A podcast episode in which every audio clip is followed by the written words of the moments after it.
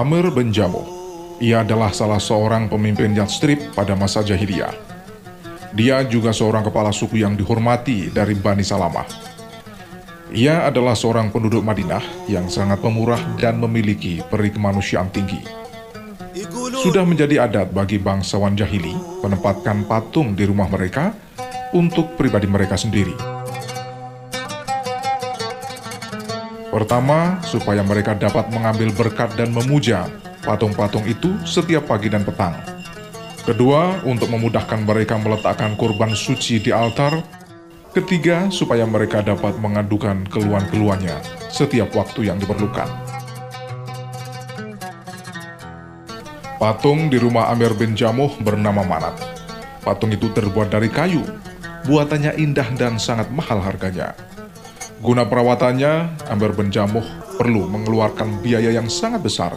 Patung itu selalu dibersihkan dan diminyakinya dengan minyak wangi khusus dan mahal.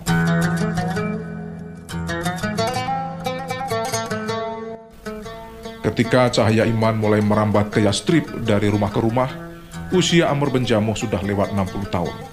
Tiga putranya, yakni Muawats, Mu'ats, dan Khalat, serta seorang kawan sebaya mereka, yaitu Mu'ad bin Jabal, telah masuk Islam di tangan Mus'ab bin Umair.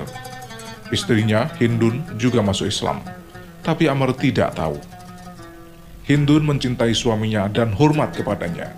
Ia khawatir kalau suaminya mati kafir lalu masuk neraka.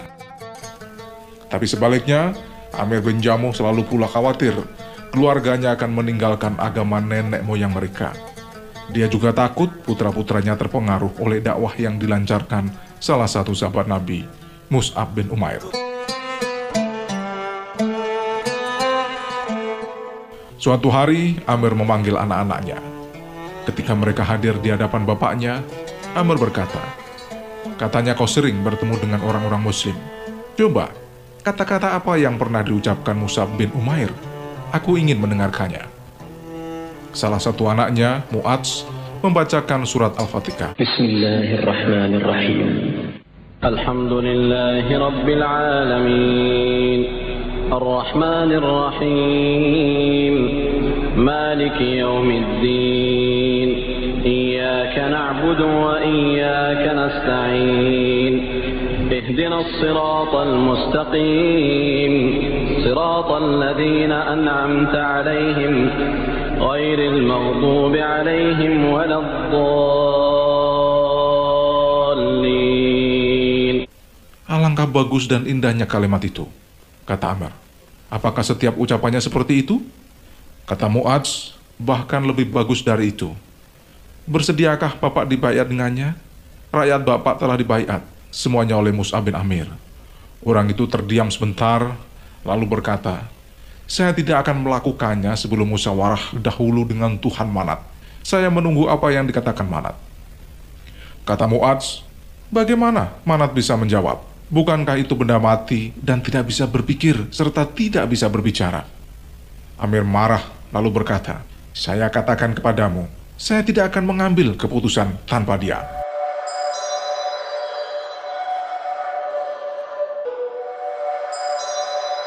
Putra-putra Amr tahu benar kapan waktunya bapak mereka memuja berhala itu. Mereka juga tahu iman bapaknya telah goyang terhadap Manat.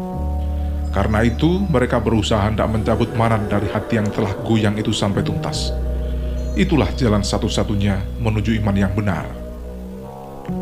Pada suatu malam, putra-putra Amr dan kawan mereka, Mu'adz bin Jabal, pergi ke altar tempat Manat berada. Manat diambil, lalu mereka bawa ke lubang kotoran Bat Salamah dan mereka lemparkan ke sana. Setelah subuh, Amr pergi ke altar hendak memuja. Tapi alangkah terkejut Amr ketika melihat Manat tidak ada di tempatnya.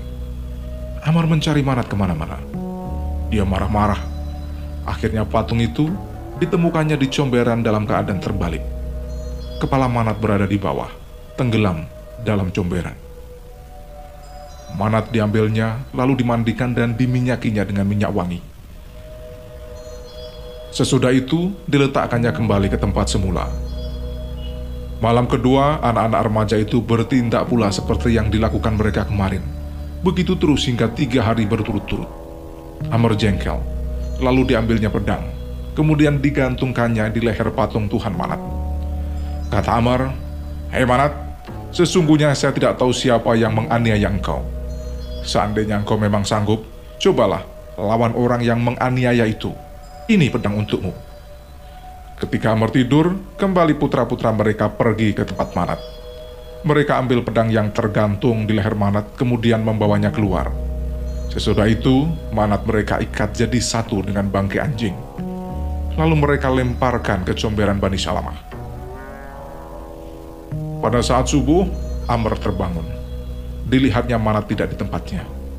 Lalu Amr mencari kecomberan, dan ia melihat Tuhannya menghadap ke tanah, bersatu dengan bangkai anjing. Pedangnya tidak ada. Sekarang Manat tidak diambil, tapi dibiarkan tercampak dalam comberan. Kata Amr, kalau benar engkau Tuhan, niscaya engkau tidak mau masuk comberan bersama dengan bangkai anjing.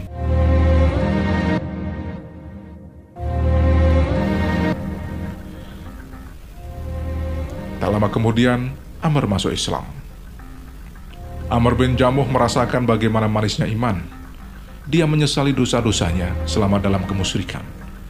Maka setelah Islam, diarahkannya seluruh hidupnya, hartanya, dan anak-anaknya dalam mentaati Allah dan Rasul-Nya. Tidak berapa lama kemudian, terjadi Perang Uhud. Amr bin Jamuh melihat ketiga putranya bersiap hendak memerangi musuh-musuh Allah. Dalam hati mereka bergelora keinginan hendak mati syahid dan memperoleh ridha Allah. Apa yang dilihat Amr berbekas di hatinya dan membakar semangat serta tekadnya untuk terus berperang bersama-sama dengan putra-putranya di bawah bendera Rasulullah Shallallahu Alaihi Wasallam. Tapi putra-putra Amr sepakat melarang bapak mereka untuk turut berperang karena sudah tua. Padahal Allah telah memberi kelonggaran baginya karena sudah uzur dan cacat. Amr tidak terima. Ia lalu pergi menemui Rasulullah mengadukan larangan anaknya kepada beliau. Wahai Rasulullah, putra-putra saya melarang saya berbuat baik mereka keberatan saya turut berperang karena saya sudah tua dan pincang. Demi Allah, walaupun saya sudah tua dan pincang, saya tidak ingin bersantai-santai untuk mendapatkan surga. Saya ingin jihad dan berharga bagi agama saya.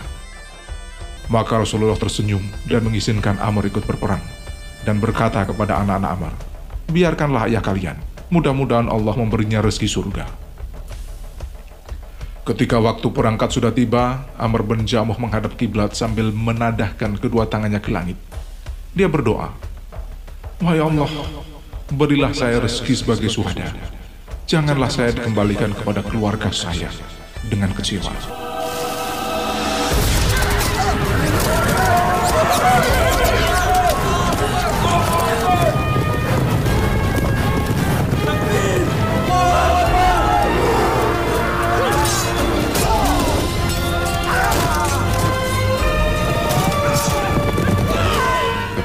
Pertempuran berkecamuk, tentara muslimin terpencar-pencar.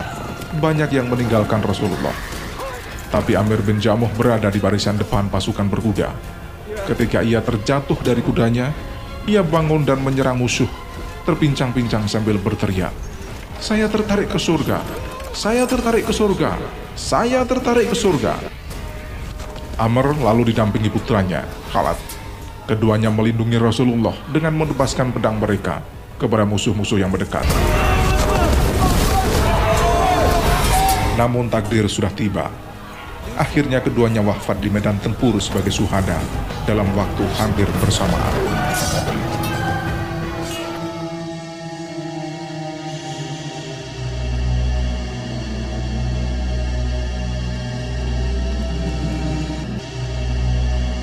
Ketika selesai pertempuran, Rasulullah memeriksa korban-korban yang syahid untuk menyaksikan mayat-mayat mereka. Beliau memerintahkan kepada para sahabat, kuburkan mereka dengan pakaian yang berlumuran darah. Saya menjadi saksi bagi mereka bahwa mereka syahid karena Allah. Tidak seorang pun muslim yang terluka dalam perang visabilillah, melainkan darahnya mengalir di hari kiamat menjadi safaron dan baunya seperti kasturi. Kuburkan Amir bin Jamu satu kuburan dengan Khalid bin Amr. Keduanya saling mencinta dan berada dalam satu barisan dunia.